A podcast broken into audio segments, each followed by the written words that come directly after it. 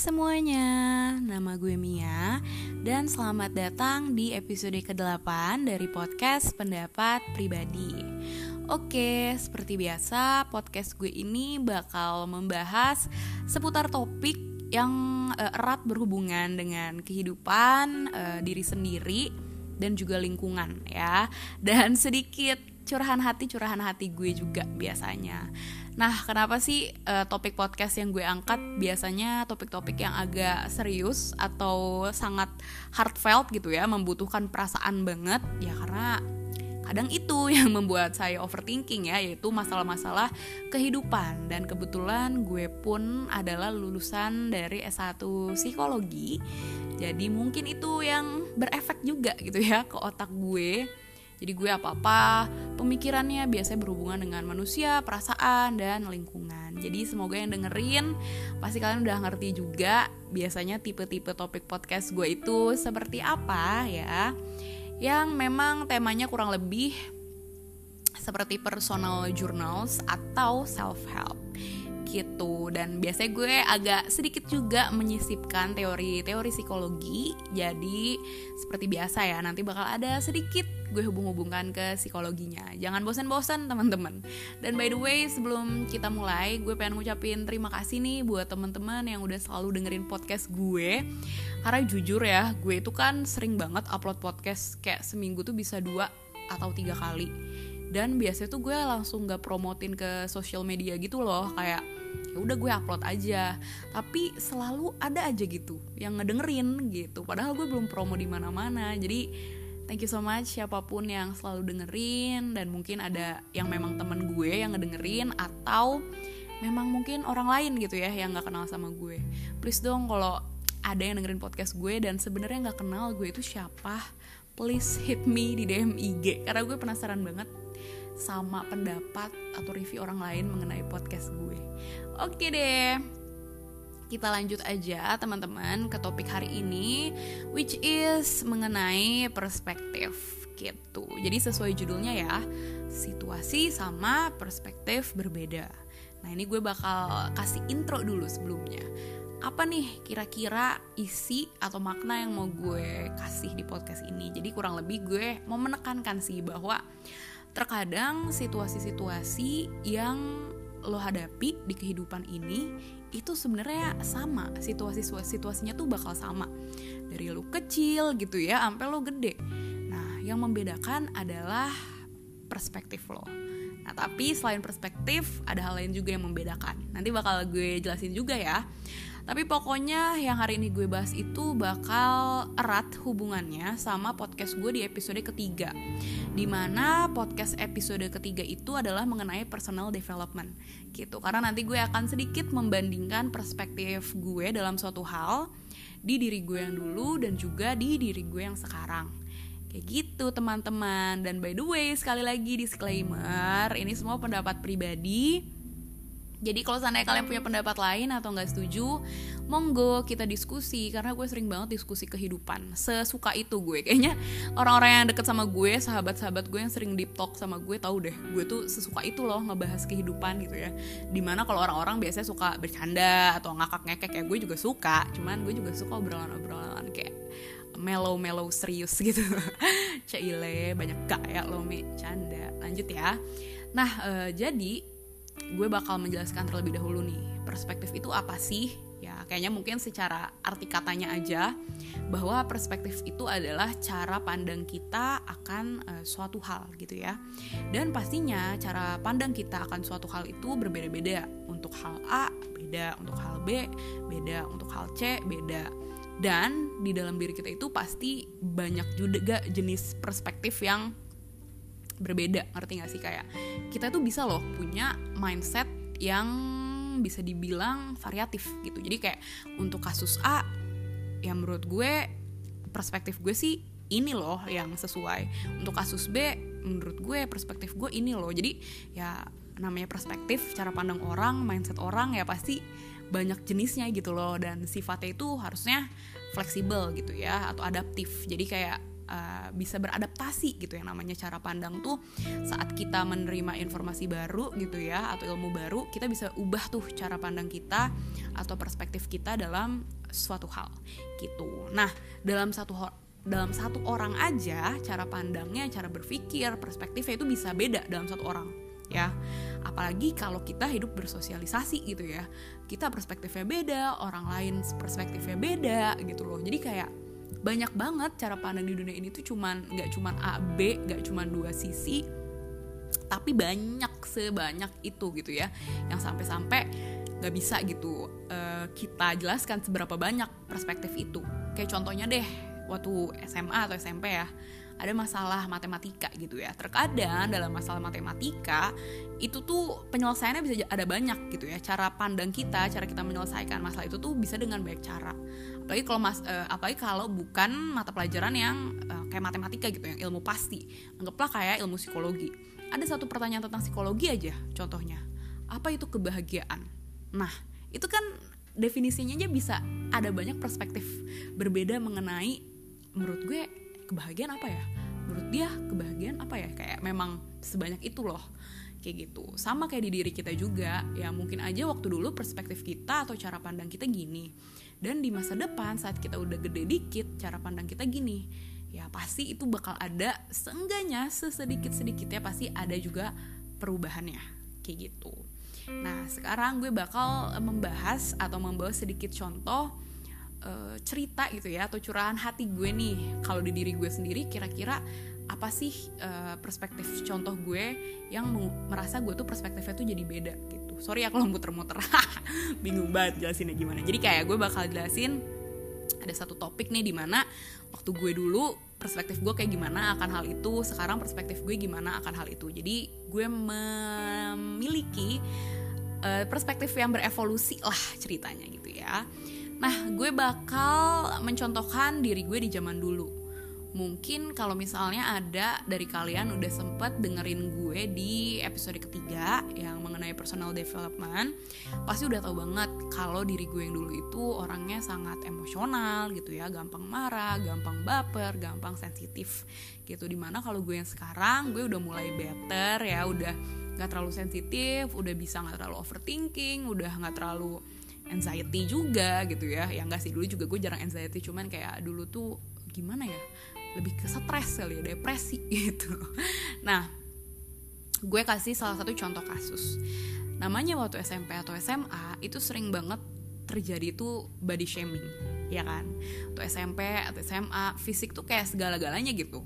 Ya gue kurang tahu sih kalau orang zaman sekarang seperti apa tapi kalau masa remaja gue gitu ya waktu SMP atau SMA gue dulu yang belum banyak orang-orang gembor gembar-gembor tentang gak boleh body shaming ya semua orang tuh kayak body shaming gak sih kerjaannya di zaman dahulu tuh ya?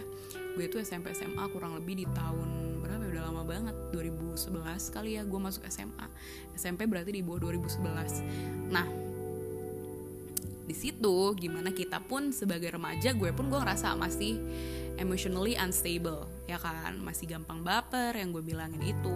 Dan sering banget terjadi body shaming ke gue mulai dari mungkin badan gitu ya misalnya gemuk kegemukan gitu atau mungkin selain itu jerawatan. Karena kan di masa-masa zaman SMP SMA kan itu lagi puber juga kan di mana itu waduh kayaknya jerawat puber gitu ya. Banyak orang yang memang belum ada skincare skincarean lah kakak gitu ya. Karena kan zaman SMP SMA di zaman gue tuh ya ya udah bare face aja tuh komuk gitu ya kan. Kalau sekarang gue kagak bisa hidup tanpa alis sama lipstick gitu ya. Kalau zaman dulu hmm, bodo amat dengan sebar face mungkin gitu ya gue ke sekolah gitu. Dan kalau seandainya gue mengalami yang namanya body shaming atau bully gitu ya walaupun sebenarnya ya mungkin bercandaan. Banyak kan yang bilang kayak gitu. Kita tuh nggak ngebully kita tuh nggak ngebody shame kita tuh cuman bercanda. Ya gue setuju sih gitu ya.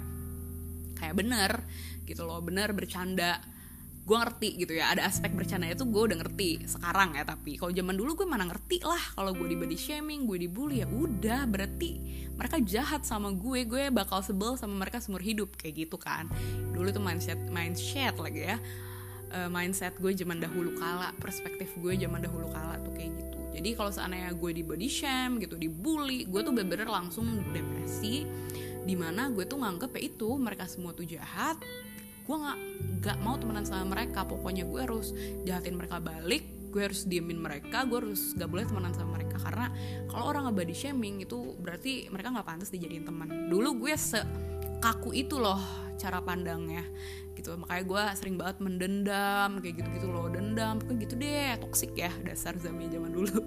Canda. Nah terus udah tuh sampai akhirnya uh, gue sekarang udah dalam keadaan normal bukan keadaan normal sih udah lebih emotionally stable. Kira-kira ada yang berubah nggak? Nah sebenarnya setelah gue pikir-pikir ulang gue pikir ulang nih hmm, sebenarnya kehidupan tuh berubah nggak sih pas atau lingkungan sosial gue berubah gak sih dari zaman gue SMP SMA dulu sampai gue kuliah sekarang nih gitu ya jadi diri gue dulu dan diri gue sekarang ya pasti ada perubahan di mana orang-orang sekitar gue lebih dewasa dan mungkin kalau orang-orang zaman sekarang lebih aware lah ya sama yang namanya body shaming, bullying itu nggak boleh gitu ya. Kalau zaman dulu kan bodoh amat gitu ya. Kalau gue ngebully lu gue keren gitu ya. Kita ngatain lu aja bareng-bareng gitu kan. Kalau sekarang kan lebih aware orang-orang.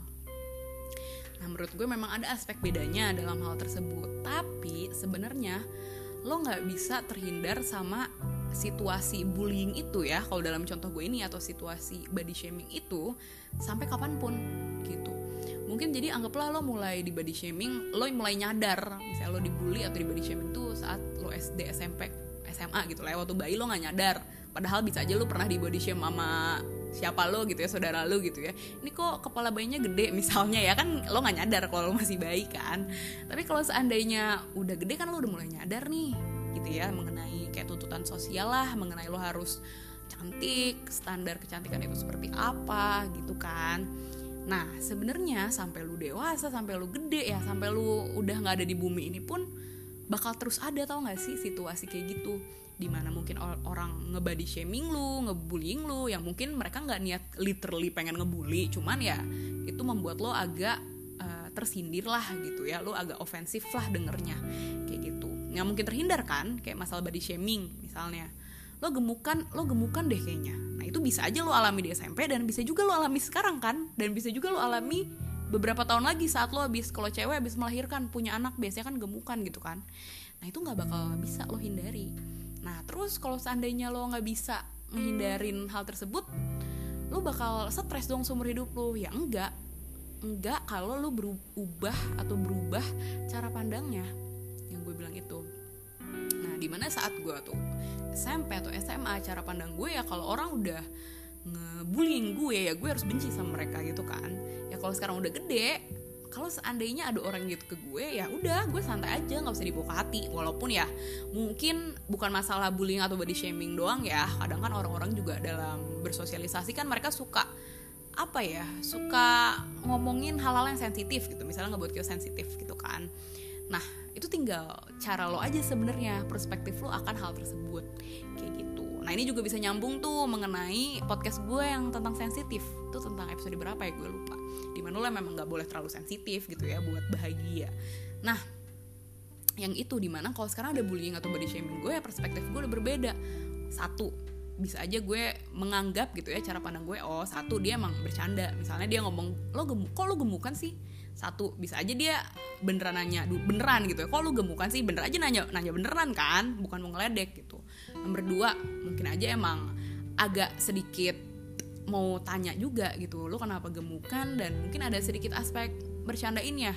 Lu sih gemuk kan bisa juga dia ngomong kayak gitu kan. Siapa tahu memang itu memang ada aspek bercanda. Kalau ngatainnya lo sih gemuk kalau misalnya.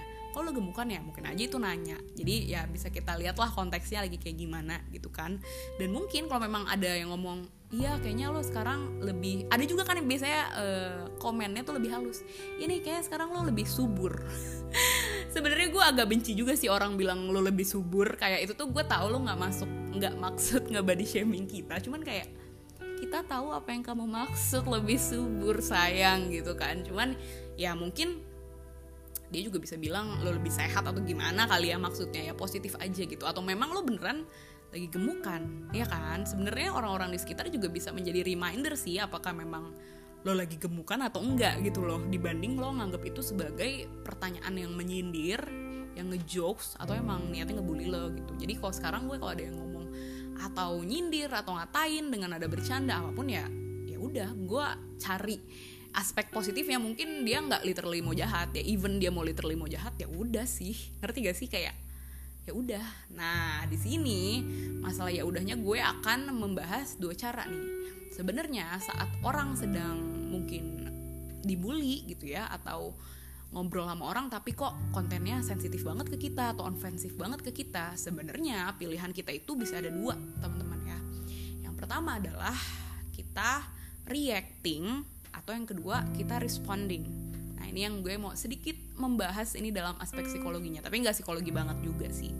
Jadi kalau misalnya yang dimaksud reacting atau bereaksi saat orang ngatain lo contohnya gemuk banget sih lo gitu ya lo langsung bereaksi enak aja lo atau pakai bahasa kasar gitu ya anjing lo misalnya gitu ya anjing lo kita katain balik misalnya kita langsung marah gitu. Atau enggak ngeselin banget sih lo atau enggak suka-suka gue kan bisa juga kan lo langsung marah gitu kalau misalnya ada orang yang ngatain lo. Tapi sebenarnya ada juga e, cara kedua lo ngehandle kayak gitu. Kalau reacting itu di mana lo menghandle sesuatu gitu ya dengan cara langsung bereaksi tanpa pikir panjang. Jadi auto aja gitu. Lo nggak berpikir dulu sebelum bertindak atau sebelum ngomong. Ya udah langsung bereaksi aja gitu. Meledak-ledak kayak bom. Itu sementara sebenarnya lo punya pilihan kedua yaitu responding atau merespons. Jadi saat memang ada orang yang mungkin mengatakan sesuatu hal yang gak mengenakan buat lo, ya lo bisa merespon dengan baik aja kayak gitu. Oh, emang iya ya menurut lo gue agak gemukan. Ya udah deh, kayaknya emang iya sih karena kemarin gue makannya banyak. Tapi besok semoga gue bisa healthy eating lagi sih. Kan bisa aja kan lo jawab dengan kayak gitu gitu. Nggak perlu kayak pan sih anjing? Misalnya gitu ya. Aduh kasar. Udah kasar sundanya keluar lagi anjing gitu ya. Maaf nih agak eksplisit kan. Dari semenjak podcast yang lalu gue jadi agak kasar sedikit gitu. Nah sebenarnya itu. Jadi saat lo mengalami situasi yang sama situasi yang gak enak buat lo ofensif buat lo ya udah pilihannya adalah yang tadi. Lo mengubah perspektif lo gitu ya cara pandang lo. Jangan kayak zaman lo dulu misalnya kalau gue dulu sensitif ya sekarang enggak gitu ya. Harus kita ubah cara pandangnya dan yang kedua lo bisa pilih antara antara lo mau reacting atau lo mau responding gitu. Kalau reacting ya udah lo bereaksi aja tanpa lo mikir gitu langsung marah-marah aja langsung meledak-ledak padahal lo juga bisa responding di mana lo pikirin dulu gitu ya cara yang baik untuk ngerespon omongan dia dan harus pikirin dulu kira-kira apa nih yang mau gue balas omongannya gitu ya. Dan kalau menurut gue skill untuk kita selalu responding ya dibanding reacting itu susah banget. Itu bener-bener harus dilatih. Karena gue sampai sekarang pun kayak gitu. Misalnya gue lagi ngelakuin apa nih terus ada orang ofensif ke gue ya udah gue suka apaan sih ah ngerti gak sih? Walaupun itu sebenarnya gue nggak marah cuman gue memutuskan untuk reacting daripada responding yang bener-bener gue bales dengan uh, baik-baik dengan matang gitu loh. Menurut gue gitu sih. Gue juga masih melatih uh, skill responding gue. Dan kalau menurut gue uh, cara pandang atau perspektif itu memang harus kita adaptasi sih gitu ya. Jadi kalau memang uh, dulu kita itu orangnya sangat uh, apa ya kaku. Jadi perspektif kita harus kayak gini doang. Cara pandang kita tentang suatu hal tuh kayak gini doang. Ya nggak bisa. Menurut gue lo harus adaptif juga gitu. Kita harus beradaptasi juga. Misalnya yang kayak tadi. Mungkin kalau lo sebenci itu kalau ada orang sedikit aja orang gitu ya body shaming. Walaupun ke kita atau ke siapa gitu ya kita langsung reaktif gitu ke mereka. Kita langsung reacting gitu ke mereka kan. Eh lo nggak boleh ya body shaming gitu ya. Bisa kan kita langsung kayak gitu. Nah tapi kalau menurut gue ya mungkin bisa di suatu saat lo kayak gitu cuman nggak harus selalu kayak gitu. Jadi memang harus ada momen juga di mana ya udah kayak perspektif lo harus berubah lo nggak bisa selalu kayak gitu. Ngerti gak sih? Kayak semoga dapet ya teman-teman maksud gue apa? Jadi cara pandang tuh memang harus berbeda kayak gitu. Dan sedikit pembahasan tambahan sebenarnya kurang lebih itu doang sih. Gue pengen menjelaskan mengenai perspektif yang harus selalu berkembang yang harus ber bisa fleksibel adaptasi dan juga reacting dan responding. Sebenarnya inti yang tadi poin yang ada di otak gue saat buat podcast ini sih cuman itu. Cuman sedikit tambahan juga.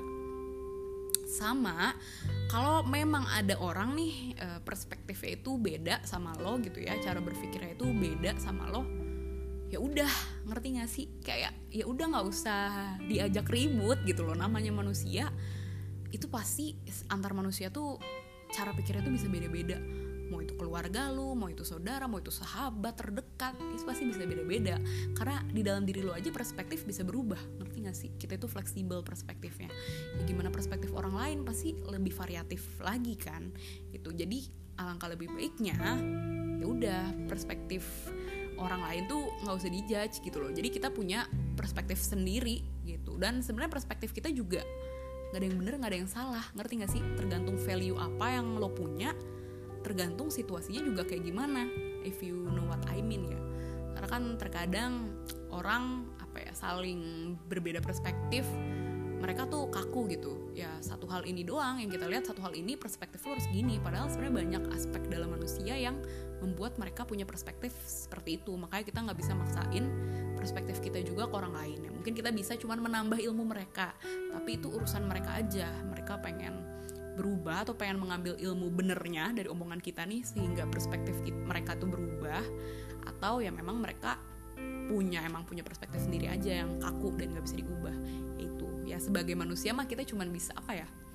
Waktu itu gue sempat baca quotes atau apa ya? Intinya dalam suatu hal gitu ya suatu perspektif situasi kadang lo nggak bisa melakukan apa pun gitu loh. Yang lo bisa lakuin cuman kasih tahu ya udah sisanya ada di orang tersebut. Apakah dia berubah perspektifnya mau berubah dalam menghandle situasi. Nah itu semuanya tergantung orangnya gitu ya. Dan mungkin beberapa tahun lagi perspektif gue dalam menghandle body shaming atau menghandle apa pun di dunia ini gitu ya bisa berubah.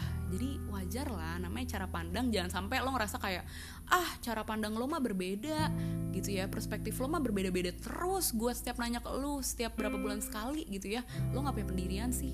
Ya nggak gitu juga lo bisa kok punya pendirian yang kuat ya tapi lo juga bisa berubah perspektifnya gitu loh. Dan di sini aspeknya berubah ke yang lebih baik ya.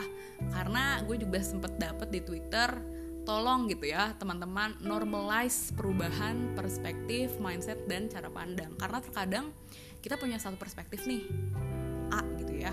Terus tiba-tiba kita dapat ilmu lain. Ya bisa aja kita berubah B gitu jadi ya memang perspektif itu bisa berubah tergantung ilmu yang kita punya. Jadi kalau punya ilmu baru pendapat baru perspektif baru dari orang lain ya jangan tertutup gitu. Jangan gengsi buat iya nih gue pindah cara pandang. Iya nih gue pindah perspektif. Gitu. Loh jadi istilahnya sih moralnya semoga dengan podcast ini kalian bisa nyadar oh mungkin ada nih beberapa situasi yang sekarang lagi gue alamin yang sebenarnya tuh cara ngehandle-nya atau cara pandang kita akan situasi ini tuh bisa berubah loh gitu. Bisa ngebuat kita lebih baik dan bahagia. Karena kadang kalau ada situasi yang nggak enak terus kita perspektifnya juga negatif cara pandang kita negatif akan situasi tersebut kita jadi stres kita jadi depresi kita jadi nggak bahagia. Coba ubah cara pandang kalian corak coba corak coba ubah perspektif kalian biar kalian tetap bisa bahagia gitu loh gitu ya. Walaupun ada situasi-situasi yang tidak mengenakan. Oke teman-teman. Segitu aja podcast di episode ke-8 ini. Sorry banget sekali lagi kalau terkesan so tau karena ini pendapat pribadi atau personal journals gue dan juga apa ya?